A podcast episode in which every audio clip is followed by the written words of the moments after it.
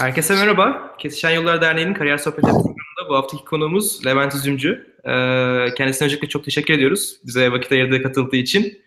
Ee, ben Emre, her hafta kendimden çok kısaca bahsediyorum. Yine bu hafta bahsedeyim. Ee, Koç Üniversitesi Elektrik Elektronik Bölümü mezunuyum. Mezun olduktan sonra Amerika'da master yaptım. Şu anda San Francisco'da yaşıyorum. Ata da kendinden bahsedip sonra Levent Bey'le başlayabiliriz bence programa. Ata. Teşekkürler Emre. Benim de ismim Ata Avlar. Sabancı Üniversitesi Endüstri Mühendisliği öğrencisiyim. İkinci sınıfı okuyorum şu anda. Ee, Levent Bey şimdi sizin özgeçmişiniz aşağıda yazıyor fakat izleyicilerimiz sizden de bir dinlesin. Sonra da sorularımıza devam edelim isterseniz. Tamam ben e, İzmirliyim. 72'de doğdum İzmir'de. Ondan sonra e, Karşıyaka'da Aydoğdu İlkokulu'nda başlayan eğitim maceram e, Eskişehir Devlet Konservatuvarı'nda bitti. Orada Eskişehir Devlet Konservatuvarı'ndan mezun oldum. Tiyatro oyunculuğu bölümünden. Ee, tiyatro oyunculuğu yapıyorum. Aldığım mesleğin, aldığım eğitimin mesleğini yapıyorum. Ee, iki tane oğlum var. İşte öyle yaşayıp gidiyorum. çok teşekkür ederiz. Yani sorularla daha da detayına ineceğiz yavaş yavaş. Gelen ilk soruyla başlayayım isterseniz. Anonim olarak sormuş. Bundan sonra başlamadan da söyleyeyim. Sorularınızı e, yayının altındaki soru linkinden veyahut da yandaki e, yorum kısmından sorabilirsiniz. Ben iletiyor olacağım kendisine. E, ilk soru anonim olarak gelmiş. Sizce sanatçı kimdir? diye çok genel bir soruyla başlayalım. E, bir kere çağının tanığıdır. Dünyada sanat eseri vermiş olan ve sanat eseri olarak sanatçılar tarafından ya da bunu eleştiren insanlar tarafından kabul görmüş isimlere ve onların eserlerine baktığın zaman hepsinin ortak özelliği çağının tanığının olmalarıdır. Çağ ile ilgili fikri olan. Kimler sanatçıdır? Mesela William Shakespeare bir sanatçıdır. Gerçek anlamda bir sanatçıdır. Ee, mesela Arthur Miller bir sanatçıdır. Mesela Yaşar Kemal bir sanatçıdır. Nazım Hikmet bir sanatçıdır. Hem çağlarının tanığı olmuşlardır hem de çağlarının tanığı olurken aynı zamanda insanlara o tanıklıkla ilgili neler hissettiklerini mutlaka söylemişlerdir. Bence en önemli özelliği çağının tanığı olması. Sonra eyvallahının olmaması. Yani dur efendim şu ne düşünür, bu ne düşünür, aman onu da demeyin, bunu da demeyin diyen birinden gerçek anlamıyla bir sanatçı ummak zordur. Bununla ilgili e, arkadaşlarımıza önerebileceğim bir sinema filmi var. Bu sinema filmini çok önemsiyorum. Adı Little Ashes. Bundan sanıyorum 7-8 yıl önce çekildi bu film. O civarlarda. Ee, ünlü sinemacı Buñuel, Dali ve ünlü şair e, Lorca e, İspanya'da sınıf arkadaşı sanat okulunda. Ve onlarla birlikte ilerleyen İspanya, onlarla birlikte ilerleyen dünya ve sanatla ilgili çok güzel bir filmdir. Kim sanatçıdır? Sanatçı çağının tanığı nasıl olur? Bununla ilgili şahane bir filmdir. Buradan dinleyen arkadaşlarımıza bir tavsiyemiz olsun madem sanatçı kimdir diye sordular. Bununla ilgili onlarca filmin içerisinden benim en çok sevdiklerimden bir tanesi Little Ashes'dır. Çok teşekkürler Levent Bey cevabınız için. Şimdi ben kendi kişisel bir soru sormak istiyorum. Sizi Hı. Sabancı Gösteri Merkezi'nde İstibdat Kumpanyası ile ilk defa canlı izlemiştim. Çok güzel eleştirel komedi, çok güzel bir oyundu. Şimdi de e, sizin anlatılan senin hikayendir oyununuz var en son olarak. Hala evet. da devam ediyor. Biraz da kendi evet. oyununuzdan bahseder misiniz?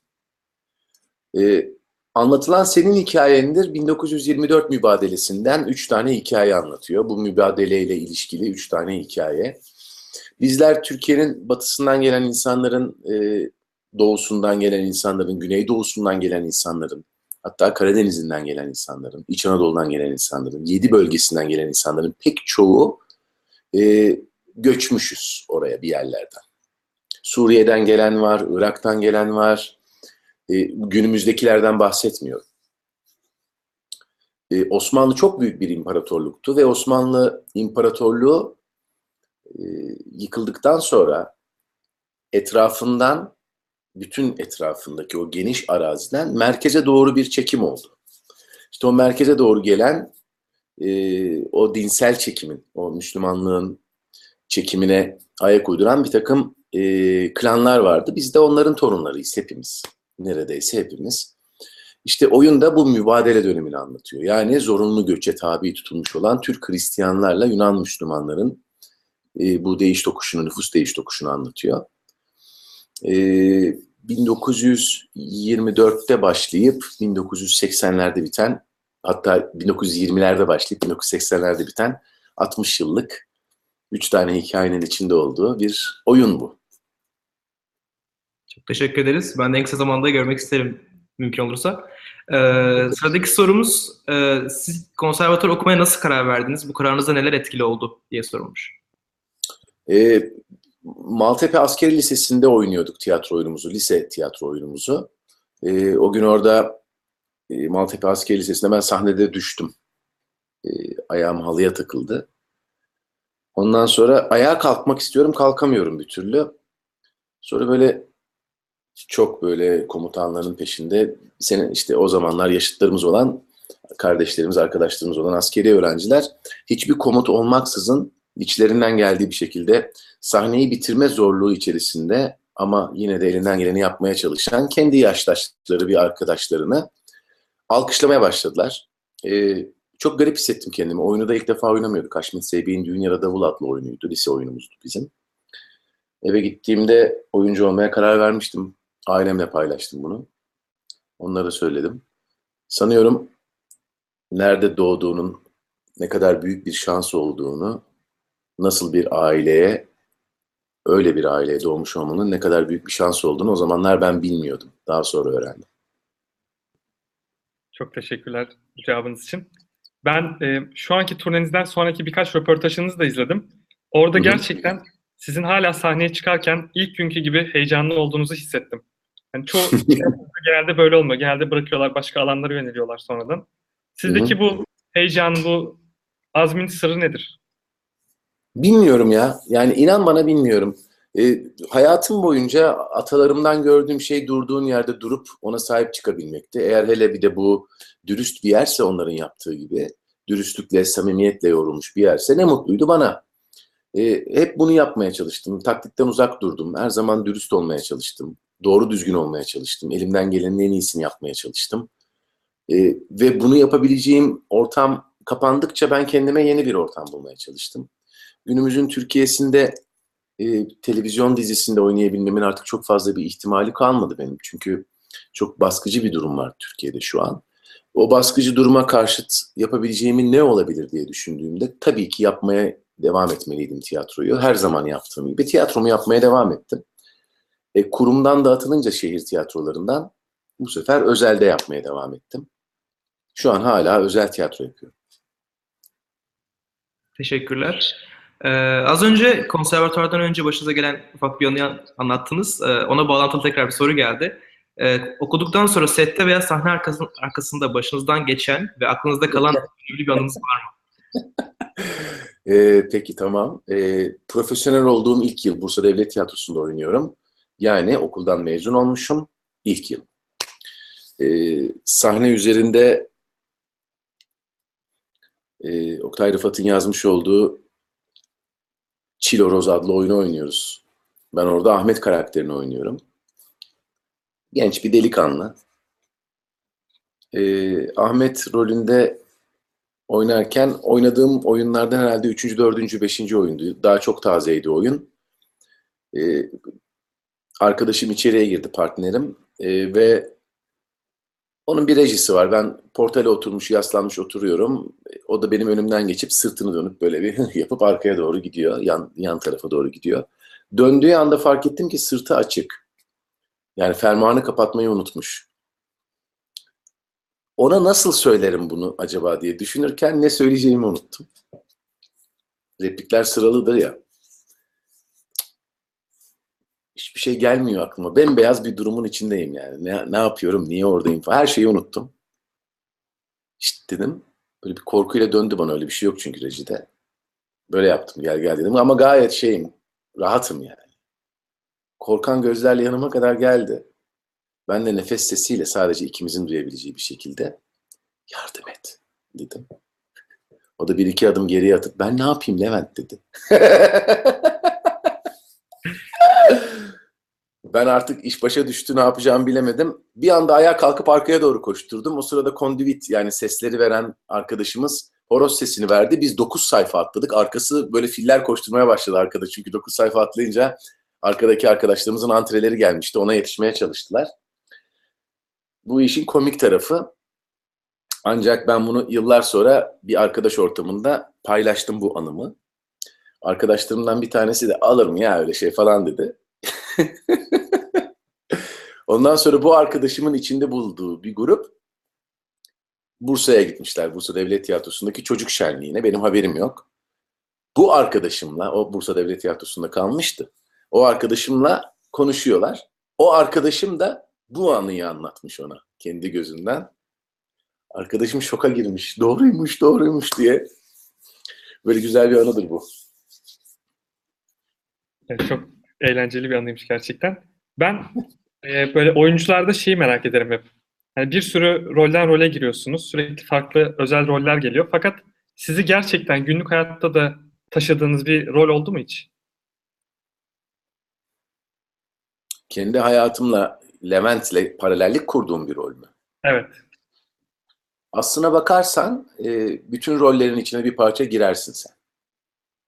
Yani çünkü bir tiyatro oyuncusunun ya da sanatla uğraşan birinin, e, bir müzisyenin de ayaklarının yere basması lazım. Bir ideolojisinin olması lazım ki derdini aktarabilsin, anlatabilsin. O ideoloji onun penceresi. Yani bir derdi olmalı bir insanın ki o derdini diğer insanlarla paylaşabilsin. O derdinin çerçevesinden role bakabilsin. O derdinin çerçevesinden oyunlara bakabilsin. E, o çerçeve durduğuna göre, sen ayakların yere bastığına göre hayata dair, yaşananlara dair bir derdin olduğuna göre o dertten mada bir duruş sergileyemezsin. O dertten mada bir aktörlük de sergileyemezsin. O her zaman cebinde durur senin. Oradan bakarsın, o pencereden bakarsın sanata. O pencereden bakarsın o role. Üçüncü Richard'a, Hamlet'e, bunlar hani en çok bilinen roller olduğu için söylüyorum, Macbeth'e. Durduğun yerden bakarsın. Sadece iyi oyuncu olmak yetmez. Aynı zamanda o repliği neden söylediğini ve o repliği söyleyen aktörün dünyada neye karşı o repliği söylediğini çok iyi bilmesi lazımdır. Yani böyle açıklanabilir bu. Teşekkür ederiz. Ee, bir Eskişehir olarak sıradaki soru başkasından gelmiş ama ben de kendim merak ettim.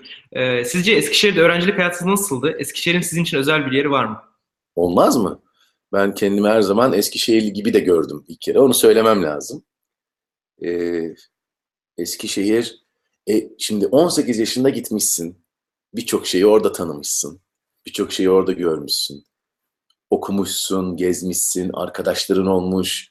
18 yaşındayken, 19 yaşındayken, 20-21 yaşındayken hayatının en o deli çağlarında, en güzel çağlarında orada güzel insanlarla, bazen de çirkin insanlarla tanışmışsın.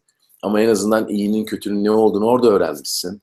O kitapları orada okumuşsun. O şiirleri orada okumuşsun. O aşkları orada yaşamışsın. E, çok önemli bir şeydir tabii ki. Ama bu Eskişehir'de olduğu için çok mutluyum ben. Başka bir şehirde olsaydı bu kadar keyif almazdım. O kadar eminim ki. Çünkü her yerde öğrenciler vardı. Herkes senin dilini konuşuyordu. Hiç kimsenin o kadar çok parası yoktu ama gönlümüz çok boldu. Teşekkür ederim. Ee, Benim de merak ettiğim bir başka soru. Şu andaki hedefiniz nedir kariyer olarak? Bir hala yani nokta şey, hedeflediğiniz bir nokta var mı? Başka bir planınız var mı veya? Yaptığım işi yapmaya devam edebilmeyi istiyorum. En büyük planım o. Çünkü bu bile çok zorlaştı artık. Yani sadece işini yapabilmem bile çok zorlaştı. Çünkü türlü türlü engellemelerle karşı karşıya kalıyorum. Ee, mesela sahnemi elimden alıyorlar. Bir sahneyi veriyorlar bir festival kapsamında o festivalin organizatörüne. Sonra bakıyorlar ki o festivalde ben varım. Bütün festivali iptal ediyorlar. İşte ne bileyim e, sahne olmazsa nasıl nerede yapacaksın tiyatroyu? Bazı illerde iki tane sahne var. Biri valilikte, öbürü belediyede. İkisi de e, sadece kendilerine oy vermiş olan insanların belediye başkanı ve valisi oldukları için benim gitmemi istemiyorlar. Diğerleri olmasın diyorlar. Ya da Diğerlerinin görüşünün bir önemi yok diyorlar. E, ama demokrasinin bu olmadığını hepimiz biliyoruz. Demokrasi azınlıkların haklarının korunması demektir çoğunluk tarafından. Ama Türkiye'deki algılanışı ben ne dersem o olur, ben daha fazlaysam ben ne dersem o olur zihniyeti olduğu için sadece bunu yapmak bile en büyük idealim olarak kaldı elimde sorduğun soruda yani. Sadece işimi yapmaya çalışıyorum. Kariyerimdeki en büyük amacım kariyerimi devam ettirebilmek. Peki sizce günümüzde sanatçılara olan bu baskı, bu meslekleri ileride yapmak isteyen öğrencileri nasıl etkiler? Zaten bir parça istenilen de bu. Yani devlet tiyatrolarının, şehir tiyatrolarının, senfoninin, orkestranın, balenin, operanın kapatılmak istenmesinin altında yatan şey Cumhuriyet'in en büyük kazanımı olan bu sanat meslek okullarının kapatılması. Çünkü yani oradan çıkan öğrencinin bu işi yapabileceği hiçbir şey kalsın istemiyorlar.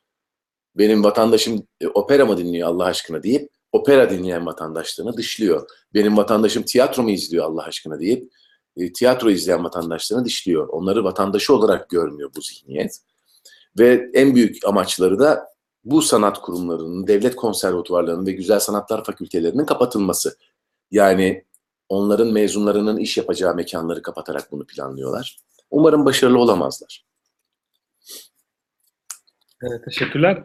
Peki bu bahsettiğiniz baskıdan dolayı sizin kariyerinizin bir kırılma noktası, bir bırak, bırakma eşiğine gelme veya bir dönüm noktası oldu mu? Yaşadınız mı? Negatif anlamda olmadı. Yani hani bir böyle Allah kahretsin deyip de artık yapmıyorum bu işi deme noktasına gelmedim hiçbir zaman. Ee, çok dirayetli bir insanımdır bu anlamda tahmin edebileceğiniz üzere. Yapmaya devam ettim her zaman. Yapmaya da devam edeceğim. Gerekirse e, köy kahvelerinde gidip bir sandalyenin üzerinde de yaparım. Hiç sorun değil yani. Çünkü Aslında pardon. lütfen lütfen sorun. Ha, ben de şeyi soracaktım hani hem negatif anlamda değil bir de dönüm noktası olarak hani kariyerinizin zirveye e, ulaşmasını veya e, ilerlemesini sağlamasını ilerlemesini sağlayan nokta ne oldu? Mesela atıyorum Avrupa yakasındaki rolünüz gibi düşünceniz var mı? E, et, tabii ki yani ama seni her şey bir şeye doğru taşıyor. Yani onlar küçük birer taş gibi oluyorlar yoluna koymuş olduğun. Sonra bir tane taşın yapısı bir parça büyük diye dönüp de arkadaki taşları çok gereksiz görmemek lazım. Çünkü çok çamurlu bir yerde yürüyorsun ve sürekli arkaya gidip yeni taşlar alıp taşlar ekliyorsun ya da sırtındaki taşları önüne koyarak ilerliyorsun yolunda. Zor bir şeydir. Bazı taşlar büyük, bazı taşlar küçük olur. Ne küçük taşların bu ne küçük taşları önemsiz yapar ne de büyük taşları çok önemli yapar. Büyük taşlar sadece senin yolunda, senin yolunun ilerleyişinde daha büyük bir adım atmanı sağlarlar. Teşekkür ederim Biraz-. Biraz felsefik bir cevap oldu ama umarım ulaşmıştır yerine. Bence çok güzel ulaştı. Ee, anladığım kadarıyla gelen sorulardan e, bu mesleğe ilgili arkadaşların biraz endişeleri var. Gerek maddi gerek baskılardan dolayı. Ee, bu sorulardan biri de sanat karın doyurmuyor fikrine katılıyor musunuz olarak gelmiş. Yani sizin fikriniz ne bu konuda? Birinci dersimizdi, birinci meslek dersimizdi konservatuvarda. Çok kıymetli bir hocamız gelip bize eğer bu meslekten bir ev, bir araba bekliyorsanız yanlış bölüme geldiniz. İktisadi İdare Bilimler Fakültesi yokuşun başında demişti. Yunus Emre Kampüsü'nü bilirsin işte. ya da bilenler bilirler. İktisadi İdare Bilimler Fakültesi yokuşun başındaydı. Eğer bir ev, bir araba bekliyorsak o bölüme gitmeliydik. Biraz cefakardır Türkiye'de sanat yapan insanlar. Ama dünyada da öyledir. Yani herkes Cirque du Soleil'de çalışmıyor. Cirque'de çalışanlar. Değil mi? Herkes e, Globe Tiyatrosu'nda oynamıyor. E, bu bir meslek. Yaparken mutluluk verir ama cebini çok fazla doyuramayabilir. E, çok fazla zengin olamayabilirsin. Belki bir ev, bir araba sahibi olamayabilirsin. Kimilerimiz şanslıdır. E, her şey istediği gibi gider, çok para kazanabilir ama o kadar. Bu işi yapmak kadar bu işi yapmak kadar e, keyifli bir şey yoktur. Bazen üstüne para bile verirler bu işi yapanlar. Çok teşekkürler. Bu arada önceki felsefik cevabınız için de çok teşekkür ederim. Çok güzeldi. Ben bir de bir tiyatrocunun gözünden e, turnelerin nasıl gerçekleştiğini merak ediyorum. Mesela bir İzmir'desiniz, bir İstanbul'a dönüyorsunuz. İstanbul'da 3 oyun oluyor. Başka bir şehre gidiyorsunuz, Kıbrıs'a gidiyorsunuz. Sizin için nasıl geçiyor bu serüven? Havaalanları, uçaklardan o bölgeye inişin değişmeyen rotası. İndikten sonra seni alanların değişmeyen yüzleri kötü anlamda değil.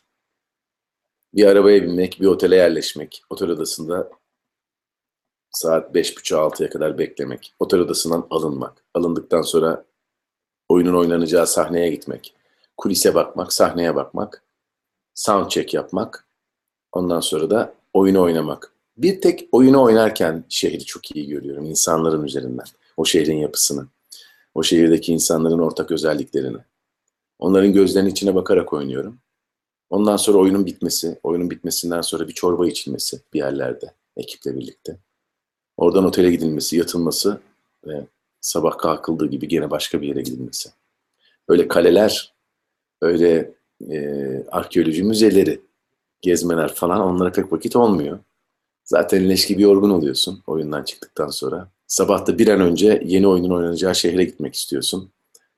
Bazen eğer şanslıysan, vaktinde el vermişse, eğer böyle saat 3'lerde, 4'lerde varmışsan, 15'lerde, 16'larda yani, e, belki şehre özgü bir şey yiyebilirsin. O da çok ağır olmamak kaydıyla. Çünkü unutma ki 3,5 saat sonra sahneye çıkacaksın. Teşekkür ederiz. Yine gelen sorulardan biri e, en zevk alarak oynadığınız karakter hangisiydi diye sormuşlar. O e, tiyatroda mı, sinemada mı, dizide mi? Ee, onlar bir şey belirtmemiş ama üçünü de farklı farklı söyleyebilirsiniz. Tiyatroda çok keyifli roller oynadım. Ne bileyim yani gerçekten. Şimdi bak Ata mesela İstibdat Kumpanyası'nı izlemiş orada. çok çok keyifli olduğumu hatırlıyorum. Ve burada şimdi tek kişilik oyunda çok keyif aldığımı hatırlıyorum. Maskeliler'de çok keyif aldım. Barut Fıçısı'nda. Oyunlar olarak değerlendirebilirim tiyatroda. Danton'un ölümünde çok keyif aldım. Ee, bir yaz gecesi rüyasında, tehlikeli ilişkilerde inanılmaz keyifler aldım. Bir yaz gecesini oynamaya devam edeceğiz şimdi 9 Kasım'da Unicol'da başlayacağız oynamaya. Ama tabii e, artık orijinal ekiple dışarıda yaptığımız için oyunu oyunun biletleri artık öyle 5 lira değil. artık özel tiyatro fiyatı olacak oyunun biletlerinde. Öyle 50 lira 80 lira aralığında alabilecek seyircilerimiz maalesef biletleri. Ne yapalım? Bu da böyle oldu. Ee, umarım olabildiğince fazla öğrenci gelmiştir o 47 oyunumuza. Şehir tiyatrolarında atılmadan önceki 47 oyunumuza. Ben gelmiştim. Böyle mükemmel bir oyundu. ben tekrar teşekkür edeyim size. Sağ olasın. Ee, sinemada Beyza'nın kadınları ve abimdeki rollerimi hatırlıyorum. Hani böyle bir çok hoşuma giden roller olarak. İkisi de bambaşka iki tane işti. Bir tanesinde işte bir psikiyatristi canlandırıyordum. Diğerinde bir zihinsel engelliyi. İki, iki karakter de çok hoşuma gitmişti. Dağları var ama bu ikisi işte Kaçan Fırsatlar Limited var mesela. O da çok ilginç bir işti. Neyse e, televizyon dizilerinde Harem'i ben çok sevdim. Şen Yuva'yı çok sevdim. Şen Yuva'da Şen Yuva projesi çok özel bir işti. E, hatırlıyorum çok eğlendiğimi. E tabii ki şimdi yani bu kadar şeyi sayıp da Avrupa yakasını saymamak olmaz. İnanılmaz bir ekiptik orada. Şahane şahane beş buçuk yıl yaşadık. Oradaki ekibim de şahaneydi, arkadaşlarım. Çok güzel bir ekiptik. Onu hatırlıyorum. Güzel işler yaptık. Hala şimdi oğullarım yeni fark ettiler Avrupa Yakası dizisini. Küçükken izliyorlardı ama hatırlamıyorlar tabii. Büyük izliyordu küçük. Böyle hayal meyal hatırlıyordur belki. Ee, Şimdi izliyorlar çok beğenerek. Ben de arada bir bakıyorum ne kadar güzel bir iş yapmışız zamanında diyorum. Ama o üç diziyi unutamam yani. Avrupa Yakası, Şen Yuva ve Harem sırasıyla. Çok teşekkürler. Gerçekten hepsi birbirinden güzel diziler, tiyatrolar. Ben peki şeyi merak ediyorum. Avrupa Yakası hani türünün en önemli örneği benim kişisel görüşüm böyle. Ee, bu dizide bir sürü karakter girdi çıktı ama o ekip ruhu, o dizinin çizgisi hiçbir zaman bozulmadı. Bunun sırrı ne? O çalışma nasıl oluyor arkada? Onu çok merak ediyorum. Aslına bakarsan bu arkadaki çalışmayla ilgili bir şey değil. Bu tamamıyla Gülsel'in kendi yaratısıydı. Ve onun yaratmış olduğu dünya, onun bir beyinden çıkan, bir algıdan çıkan, bir fantaziden çıkan o dünyasının içinde biz eklemlendik, ona bir yer bulduk. Yeni girenler, e, girip becerenler, içine sindirenler, sindiremeyenler olduğu, bir sirkülasyon olduğu, çok fazla kişi geldi gitti. Ama orijinal kadro işte ev kadrosuyla dergi kadrosuydu. Ee, biliyorsunuz tabii ki Gazanfer abiyi kaybettik. Yerine Müşfik Kenter geldi. Sonra onu da kaybettik. Ee, işte askere gidenler oldu hesapta, geri gelenler oldu, e, Ayvalık'a gidenler oldu. Yani gidenler gelenler oldu sanıyorum biz üç kişi. Gülse, Hale, ben. e, var olan bütün Avrupa yakası bölümlerinde oynamış üç oyuncuyuz. Onun dışındaki herkes bir sezon yoktur, iki sezon yoktur, 10 bölüm yoktur, 5 bölüm vardır, 50 bölüm vardır falan. Böyle bir garip ama var olan bütün bölümlerde oynamış üç oyuncuyuz. Çok teşekkür ederiz. Sıradaki sorum, e, tiyatro oyuncularının kendilerini geliştirmeleri için neler tavsiye edersiniz? Yeni başlamış arkadaşlara. İzlemek, okumak. Ya bu kadar basit. Ya bol bol izlesinler oyun, tiyatro oyunu izlesinler, sinema film izlesinler, performans görsünler. Ee, sadece sinemaya takılıp kalmasınlar. Yani çünkü sinema, e, evde oturup sinema filmi izliyorsun ve tamam. Ama yani bir şey yok. Biraz sanatı edinmek için çaba güzel olur. Yani bir yerden metroya binip bir sahneye gitmek, o bilet için 10 lira, 15 lira, 40 lira, 50 lira, 80 lira, 100 lira para ödemek, tekrar ediyorum herkesin kesesine göre. E tabii ki oyun okumak. Çünkü hani sizler bir roman okuduğunuz zaman kafanızda bir anda o karakterin bir tipi olur. O karakterin evinin, odalarının, duvarlarının boyaları olur, koltukları olur. O vadide o çiçeklerin renkleri, o vadi senin vadin olur ya. Kafanda canlandırır, kendi filmini çekersin bir romanı okurken. Bir tiyatro oyunu okurken de aynı şeyi yaşarsın. Karakterin jest ve mimiklerini görürsün, tipini görürsün. Nasıl baktığını düşünürsün, nasıl yürüdüğünü düşünürsün. Ee, onun için fark etmeden çektiğin bu kısa filmler e, bir tiyatro oyunu okurken, bir tiyatro oyun metnini okurken seni çok geliştiren bir şeydir. Özellikle Shakespeare ve Brecht okumalarını ve onu anlamaya çalışmalarını, gözlerinde canlandırmaya çalışmalarını tavsiye ederim şiddetle. Çok teşekkürler cevabınız için. Peki şimdi dizi sektöründe, film sektöründe tiyatrodan gelme insanlar oluyor. Orada yetişmiş insanlar oluyor. Ve direkt ya da sinema veya dizide başlamış insanlar oluyor. Sizce bu hani kişilerin donanımları açısından nasıl farklılıklar yarat- yaratıyor setlerde? Yani tiyatrodan gelme insanların bir farklılığı oluyor mu? Ee, eğer e, ince ayar yapamazsa bir tiyatro oyuncusu e, ekran görüntülü işlerde çok büyük oynayabilir kazara. E, ya da şöyle bir şey söyleyeyim. Ekranda çok iyi bulduğunuz, çok başarılı olduğunu düşündüğünüz bir oyuncu tiyatro sahnesinde o kadar başarılı olmayabilir.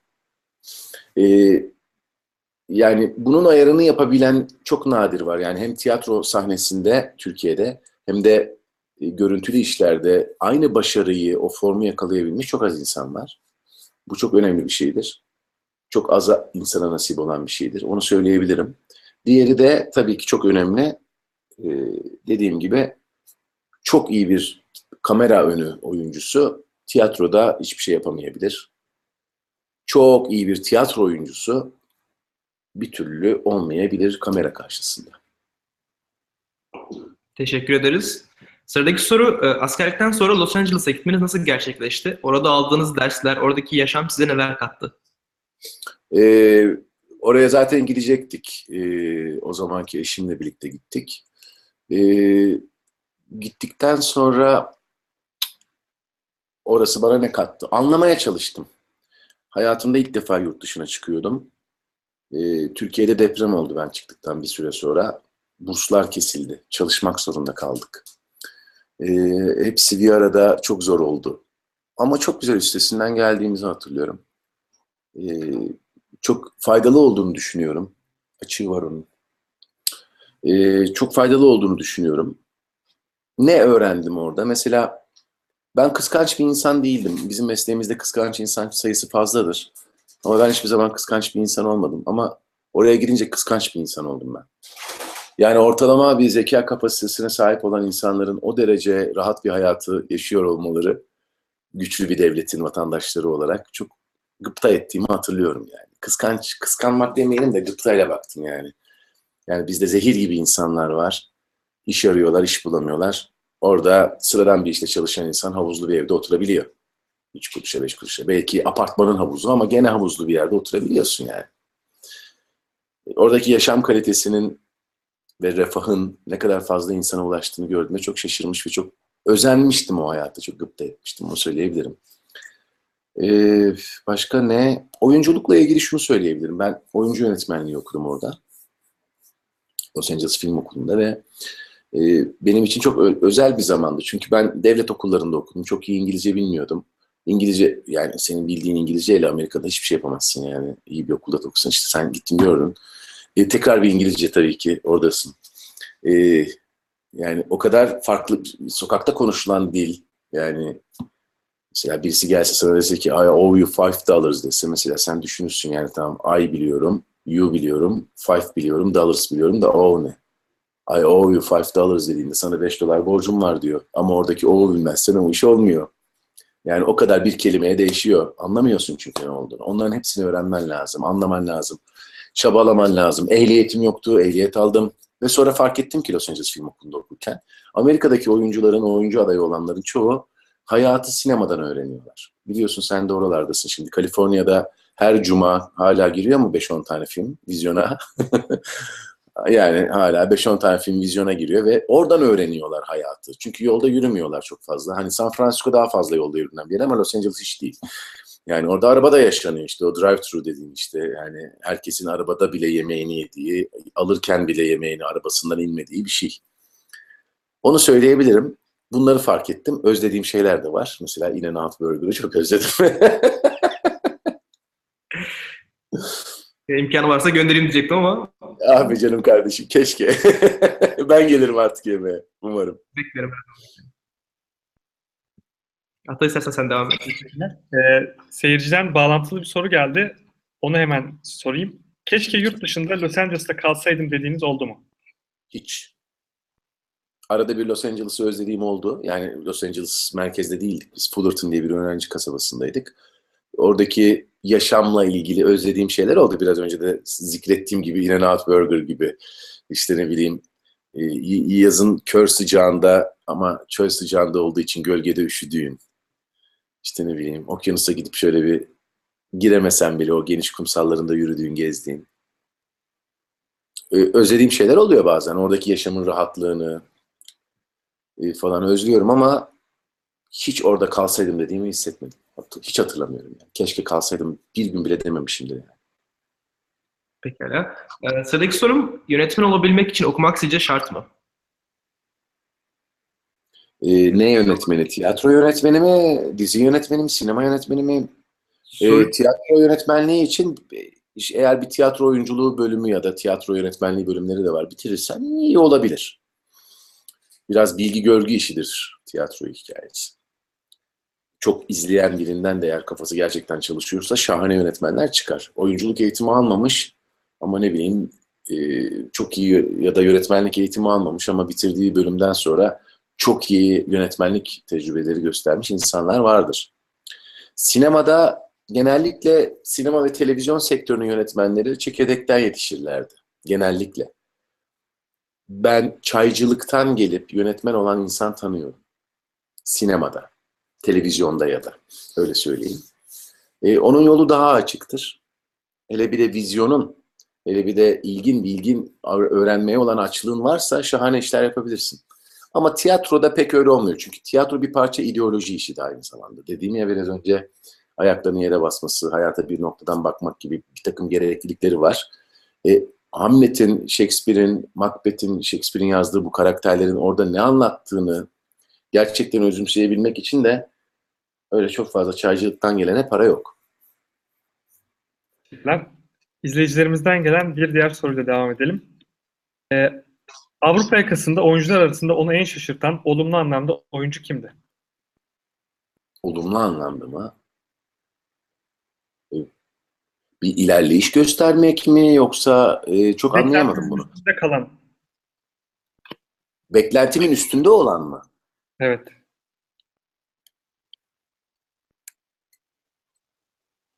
Vallahi yok. Yani beklentim bir beklentim yoktu. Yani ben öyle anladım. Olumlu anlamda şaşırtan kişiyi sormuş.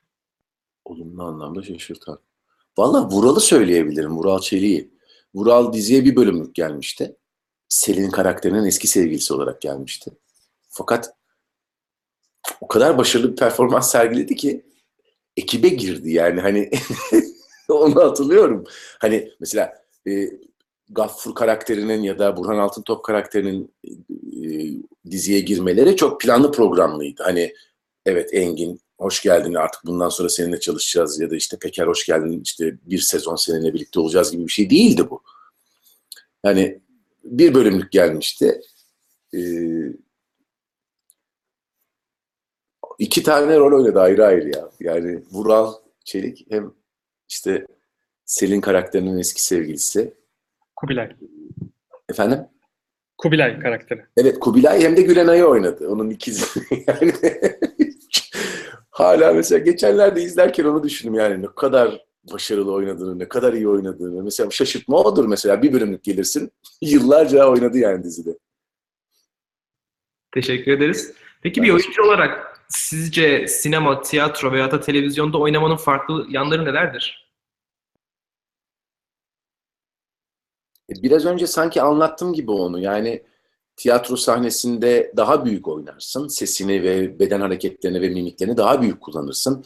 Ama e, orada seyircinin e, 20 metre uzağında oynamaktasındır bir beden olarak. Ama kamera dediğin şey işte bak şöyle bir şeydir yani şurada mimik yapacaksın. Yaparsan diye olur yani kocaman olur her şey. Onu ayarlamak zorundasın. Ya bunlara dikkat ettikten sonra Şey olarak düzelteyim. Bir oyuncu için iyi yanları nelerdir, kötü yanları nelerdir? Tiyatro. Yapabiliyorsa, yapabiliyorsa keyiflidir. Yapamıyorsa kötüdür. Yani sıkıntı verir. E, hemen dikkat edersin. Yani siz bilmezsiniz. Bizde bir laf vardır. E, sahne üzerinde ve görüntüde bütün aktörlüğün genel bütün alanlarında yani. Kamera önünde ve sahne üzerinde. Ne zaman ki bir oyuncu kostümünden yana mutsuzdur. Bil ki o oyuncunun içine bir şey sinmiyordur. Yapamıyordur o işle ilgili bir şeyi o. Kendi biliyordur ne olduysa onu. Çünkü yani bizim bir lafımız vardır. Kostüm oynamaz, oyuncu oynar diye. Muhtemelen oyuncunun bir sorunu vardır ama kostümle değil. Teşekkürler. Ee, Eren isimli izleyicimiz iyi ki yapmışım dediğiniz şey var mı diye sormuş. Olmaz mı? Milyon tane. İlk aklınıza gelen? Ve iyi ki çocuklarını yapmışım ya. İyi ki yani hani o, o kadar özel hissediyorum ki. Peki çocukluğunuzdan aklınızda kalan böyle önemli bir anı var mı? Yani anlatabileceğiniz, paylaşabileceğiniz. Çocukluğumla ilgili milyon tane anım var ama neye istinaden bir anıdan bahsediyoruz acaba? Ya böyle çocukluğum dediğinizde aklınıza ilk gelen önemli böyle Ya benim çocukluğum böyle e, sanki babası e, devlet memuru, tayin gören devlet memuru gibi İzmir'in içinde dolaşarak geçti.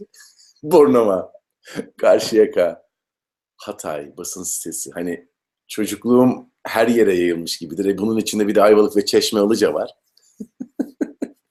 çocukluğum benim anılar yumağı gibidir yani. Çünkü hep aynı yerde durup aynı anıyı yaşamıyorsun. Her yerde başka bir anı, başka insanlar, başka bir çevre oluyor çok ilginçtir yani.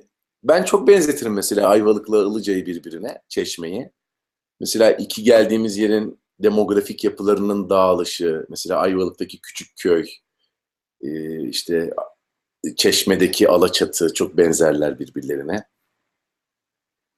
Denizden uzak ve köy gibidirler. Bu saydığım, bu daha çok boşnakların yerleştiği yerlerdir. İkisinin de kendine özgü tostu vardır. Ayvalık tostu ve kumru. E, iki yerde de benim en yakın arkadaşımın adı Levent'ti. Büyüdük şimdi 45 yaşımıza geldik. Hala görüşüyoruz. Çok da mutluyum ondan dolayı. Ne bileyim çok benzerdi hayatlar yani bir yandan da ama bir yandan da bambaşkaydı. Düşünsene yani Ayvalık tostu, kumru ikisi de şahane değil midir? Ya? Yemişsinizdir. Yani şanslılar, gidebilmiş olanlar, en azından bir tanesini tadabilmiş olanlar vardır ne bileyim ben böyle şeyler hoşuma gidiyor. Böyle benzerlikler kurmaklar falan filan. Küçük anı, küçük yani işte Ilıca'da Ramazan başkaydı, Ayvalık'ta bambaşkaydı mesela. Onu hatırlıyorum. Tıpkı kurbanın başka olduğu gibi bayramların. Onları hatırlıyorum. Bunları söyleyebilirim. E yani Bornova'da oturduğumuz yer bambaşka bir yerdi. Karşıyaka'da oturduğumuz yer bambaşka bir yerdi. Sonra Hatay'a taşındık. Hatay'da oturduğumuz yer bambaşka bir yerdi. Hepsinde okula gidiyorsun. Arkadaşlarım başka. Ortamlar başka. Karşıyaka'da yaşarken kimse seni Karşıyakalısın diye dövmüyor. Ama Hatay'a gidersen Karşıyakalısın diye Göztepe'lilerden dayak yiyorsun tabii yani. Böyle şeyler bunları söyleyebilirim. Genel anılar yani. çok teşekkür ederiz. Peki Yani- hem Türkiye'de hem de Amerika'da eğitim almış biri olarak bunu karşılaştırmanız mümkün mü? Hatta atıyorum ben tiyatro yani oyuncu olmak isteyen biriysem bu eğitimi Amerika'da mı almalıyım, Türkiye'de mi almalıyım? Nasıl başlamalıyım? bir kere şunu söyleyeceğim. Eğer yönetmenlik eğitimi almak istemiyorsa biri e, bence oyunculuk eğitimini kendi ana dilinde almalı. Bir kere bunu söyleyeyim. Yani sıfırdan e, oyunculuk eğitimini gidip de e, yabancı bir ülkede alırsa bunu çok şey bulamayabiliyorum bazen ben. Doğru bulamayabiliyorum. Ama şeye de çok karşıyımdır. Mesela Türkiye'deki bazı üniversitelerin kuruluş nedenleriyle başka ana dilde eğitim vermesi olayı beni çok mesela rahatsız eder. Anlıyorum. Yani bir terminoloji dersi koyarsın. O meslekle ilgili bütün terminoloji orada yapılır ama yani e, halkla iletişim dersinin Fransızca görülmesi ya da ne bileyim meslek derslerinin özellikle meslek derslerinin o üniversitenin ana dilinde görülmesi insanın kendi ana dillerine biraz şey gibi geliyor bana. Bunun karşı fikirleri de var. Biliyorum. Yani hayır. Bu mesleği biz ona İngilizce öğretmeliyiz. Çünkü bütün terminoloji İngilizce ve o bu işi İngiliz ama yani e yani öyle terminolojiler öğreniyor ki bir Türk Türkçe'ye çeviremiyor sonra. Anlatabiliyor muyum? E bir de şimdi bununla mı uğraşacağız? Ne kadar komik yani. Türkiye'deki bir üniversiteden mezun olmuşsun. Elektrik, elektronik, elektronikle ilgili bir takım e, terminolojik bilgileri Türkçe'ye çeviremiyorsun. Çünkü onları İngilizce öğrenmişsin. Yani e, o zaman işte San Francisco'ya gidersin yani. Anlatabiliyor muyum? İşte beyin göçü dediğimiz hikaye. bu. İşte yani beyin göçü dediğimiz hikaye böyle oluyor. Yani Orta Doğu Teknik Üniversitesi'ni bitiriyor. Kendini şeyde buluyor işte. Amerika'da buluyor. İşte NASA'ya giriyor. falan. E arkadaş burada birazcık kalabilsek belki biz de kendi şeyimizi kurabiliriz. Tişört fabrikası en azından değil mi? Önemli olur. Çok teşekkürler. Rica ederim. Peki demin çocukluktan konuştuk. Şeyi çok merak ettim. İlk oyunculuğa adım attığınız hani çocukken hatırlıyor musunuz? İlk oyunculuk oyuncular falan adım atmadım. Yani, Yani böyle bir ilkokulda okul tiyatrosunda olur ana sınıfında. ben çok yeteneksizdim ya. Ben eee, şeyde hatırladığım ilk şey, ha birinci sınıfta evet var. Dur, ilkokul bir de şiir okutmuşlardı bana. Elime mikrofon vermişlerdi. Aydoğdu İlkokulu'nda karşıya kadar.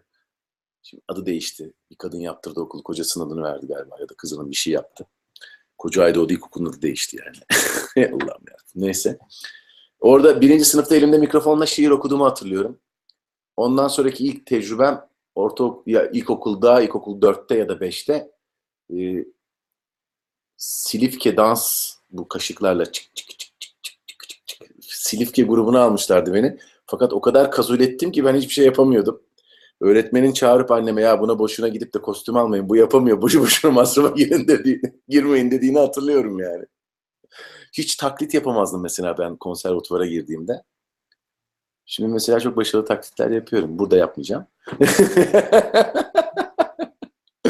Ama yani gelişen bir şey insan. Her gün bir şey öğreniyorsun. Hala öğrendiklerine şaşırıyorsun. Hala dünyada keşfedilmemiş türler olduğunu, keşfedilmemiş yerler olduğunu bilmek acayip heyecan veriyor bana. İnsan da biraz öyle. Kendinde keşfetmediğin o kadar çok şey var ki. Mesela ben buna şu an şaşırdım ben. E, O açıkçası oyunculuğun yetenek işi olduğunu düşünüyordum ama siz e, ilkokulda hiç yetenekli değildim diyorsunuz.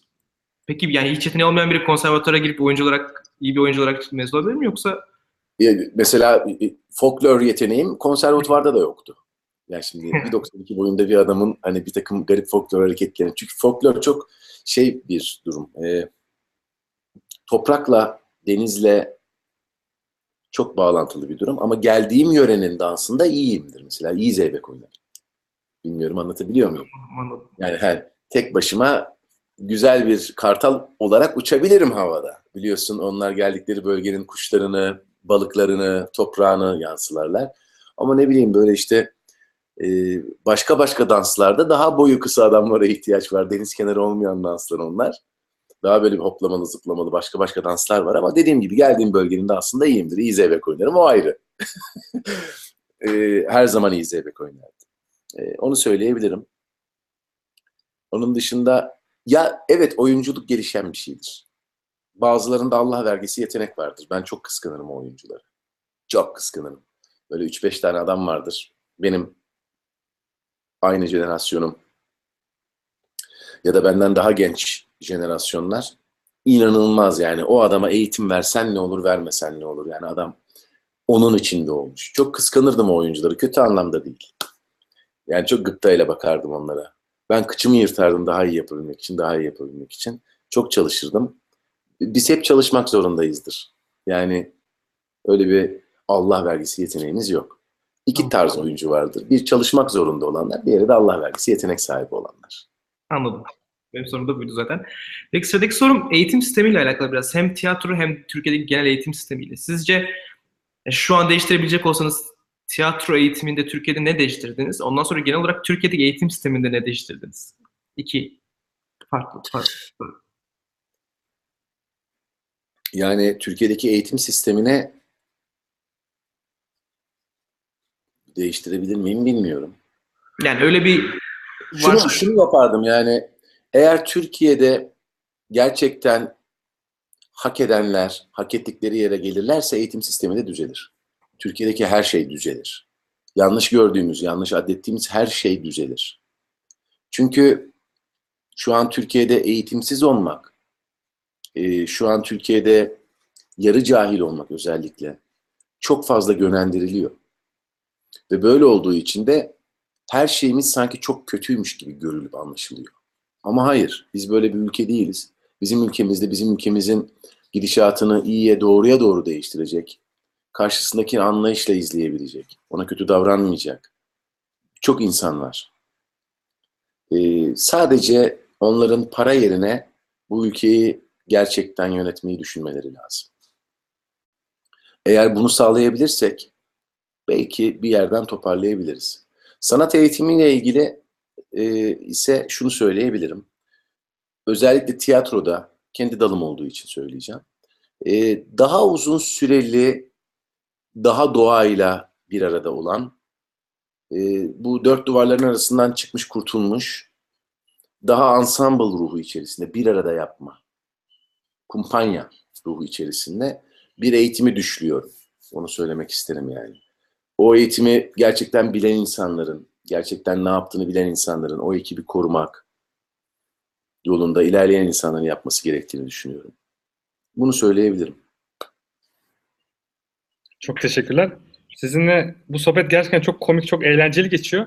Sizi de hani Avrupa yakasından hatırlayanlar hani hep komik bir rolde hatırlıyor. Ben İstibdat Kumpanyası'nda da çok e, komik bir oyunda o. Siz peki neden komedi ağırlıklı tercih ettiniz? Yani komedi sizin için ne ifade ediyor? E, tiyatroda çok drama oynadım ben o sıralarda. E, Yani ama eğer şunu söyleyeceğim, iyi bir komedi oyuncusuysan eğer, komediyi iyi oynayabiliyorsan, komedi bir metronom işidir. Timing dediğimiz. Bir zamanlama işi bizim. Yani içinde bir bir metronomun olması lazım. Tık tak tik tak tik tak tik tak tik tak tak diye değişen, farklılaşan, e, duruma göre tık tık tık inanılmaz bir şeyi vardır komedinin. Bir metronomu vardır. Eğer onu yapabiliyorsan birçok şeyi çok iyi yaparsın. Erdal Özyağcılar, Şener Şen bunun en iyi örnekleridir. E, komedide çok iyi olup, Şevket Altuğ örneğinde olduğu gibi. Komedide çok iyi olup dramda çok iyi olabilme hikayesi. Yine bizim jenerasyonumuza daha yakın isimlerden değerlendirdiğimizde e, mesela Erkan Can'ın, Cem Davran'ın yaptıkları hani böyle her ikisini çok iyi oynayabilme. Yani hem komediyi çok iyi oynayabilme. e, mesela Cem Yılmaz. Bak Cem, Cem Yılmaz örneğine baktığında mesela draması da çok iyi. Çünkü komedisi çok iyi. O her ne kadar komedyen olduğunu söylese de aslında çok şahane bir oyuncu. E, bunu atlamamak lazım. Şunu ama rahatlıkla söyleyebilirim. Biri komediyi oynayabiliyorsa, komediyi oynayabilme yeteneği varsa birçok işi çok iyi yapar. Dramasını çok iyi yapar. Çok teşekkürler. Çok güzel bir cevap oldu gerçekten. Ee, yavaş yavaş programımızın sonuna geliyoruz. Klasikleşen bir sorular dizi, dizisi var bizde Emre ile. Tamam. Ee, Bittik mi? Evet. e, şimdi ben size şey sormak istiyorum. Mesleki anlamda idol olarak gördüğünüz biri var mı? En yakın Kaye ama idolüm değildir. Beraber çalıştınız. Beraber çalıştığım Altan Erkekli. Tamamdır. Çok teşekkürler. Ama idolüm idolüm değiller ama çok çok önemliler benim için. Ben son olarak sizin hobilerinizi sorayım. Ondan sonra kapanış uzun daha uzun bir soruyla kapatırız. Yaptığınız hobileriniz neler diye sormuşlar. Hobiler. Geziyorum ben. Gezmeyi seviyorum. Yani bu kadar turnelerle gezip de göremediğim için doğru düzgün gittiğim şehirleri gidip bazı şehirleri görmek istiyorum. Eğer sağ olsun gideceğim ülkeler bana vize verirlerse Ee, gezip görmeyi seviyorum. Gitmek istediğim yerlere gittiğimde çok mutlu oluyorum. Hele bir de sevdiğim insanla gidersem ne kadar mutlu. Ya da sevdiğim insanlarla gidebilirsem. Onu söyleyebilirim. Ee, gergedan topluyorum. Dünyanın çeşitli yerlerinden gittiğim ülkelerden çeşitli materyallerden yapılmış gergedanlar topluyorum. Uzun süreden beri topluyorum gergedan. Sadece gergedan topluyorum. Ee, bazen getirtiyorum, bazen ben gidip alıyorum. Çok güzel gergedanlarım var benim. Şu an onlara bakıyorum. Öyle. Ne bileyim başka hobi. Başka yok ya. Peki, peki o zaman. Teşekkür ederiz. Ee, son klasik sorumuzu soralım. Sonra yayını kapatırız. Ee, siz Türk gençliği için, Türkiye'deki öğrenciler için neler yapmalarını, nelerle ilgilenmelerini tavsiye edersiniz? Sizin kendi fikirlerinizi duyabilirsek yayını kapatırız. Tamam. Gençliğe hitabe okusunlar. İyi gelir. Özet, net ve çok Hiç uzatmanın alemi yok yani. tamamdır. Çok teşekkür ederiz o zaman. Benim için çok keyifli ve gerçekten bilgilendirici bir sohbet oldu. Ee, vakit ayırdınız. Ee, Her tekrar zaman çok teşekkürler. Teşekkür ederiz. Ben çok kısa şeyden bahsedeyim. Önümüzdeki haftaki programdan bahsedeyim. Ee, biz derneği takip eden arkadaşlar biliyordur. Ee, geçen sene yaz için staj bulduğumuz ve staj bursu verdiğimiz arkadaşlar var. Yurt dışına staj. İşte bir kısmı Amerika'da, bir kısmı İngiltere'de burs verdik. Ee, o arkadaşlarla bir yayın yapacağız. Size kendileri nasıl yurt dışına staj buldular, e, nasıl burs buldular, stajları nasıl geçti, nelerle karşılaştılar bunları anlatacaklar. Bu seneki staj programımızda biz yine size e, yurt dışına staj buluyoruz ve belki burs veriyoruz bir ufak bir miktarda. Takip ederseniz programlarımızı mail atarsanız ve haftaki yayını seyrederseniz daha çok bilgi sahibi olabilirsiniz. Bunu söyleyeyim. Ata sen de son sözlerini söyle sonra kapatalım isterseniz. Ee, benim için de çok güzel tesadüfi bir buluşma oldu Levent Bey'le. Sizin de bu yayını yaptığım için çok mutluyum. Ee, herkese izlediği için teşekkür ediyorum. İyi akşamlar. Ben de bu kadar güzel sorularla bezediğiniz için bu konuşma, bu soru cevap hikayesini teşekkür ederim ikinize de. Söz hakkı tanıdığınız için ayrıca. Görüşmek üzere. Görüşmek üzere herkese. Haftaya görüşürüz.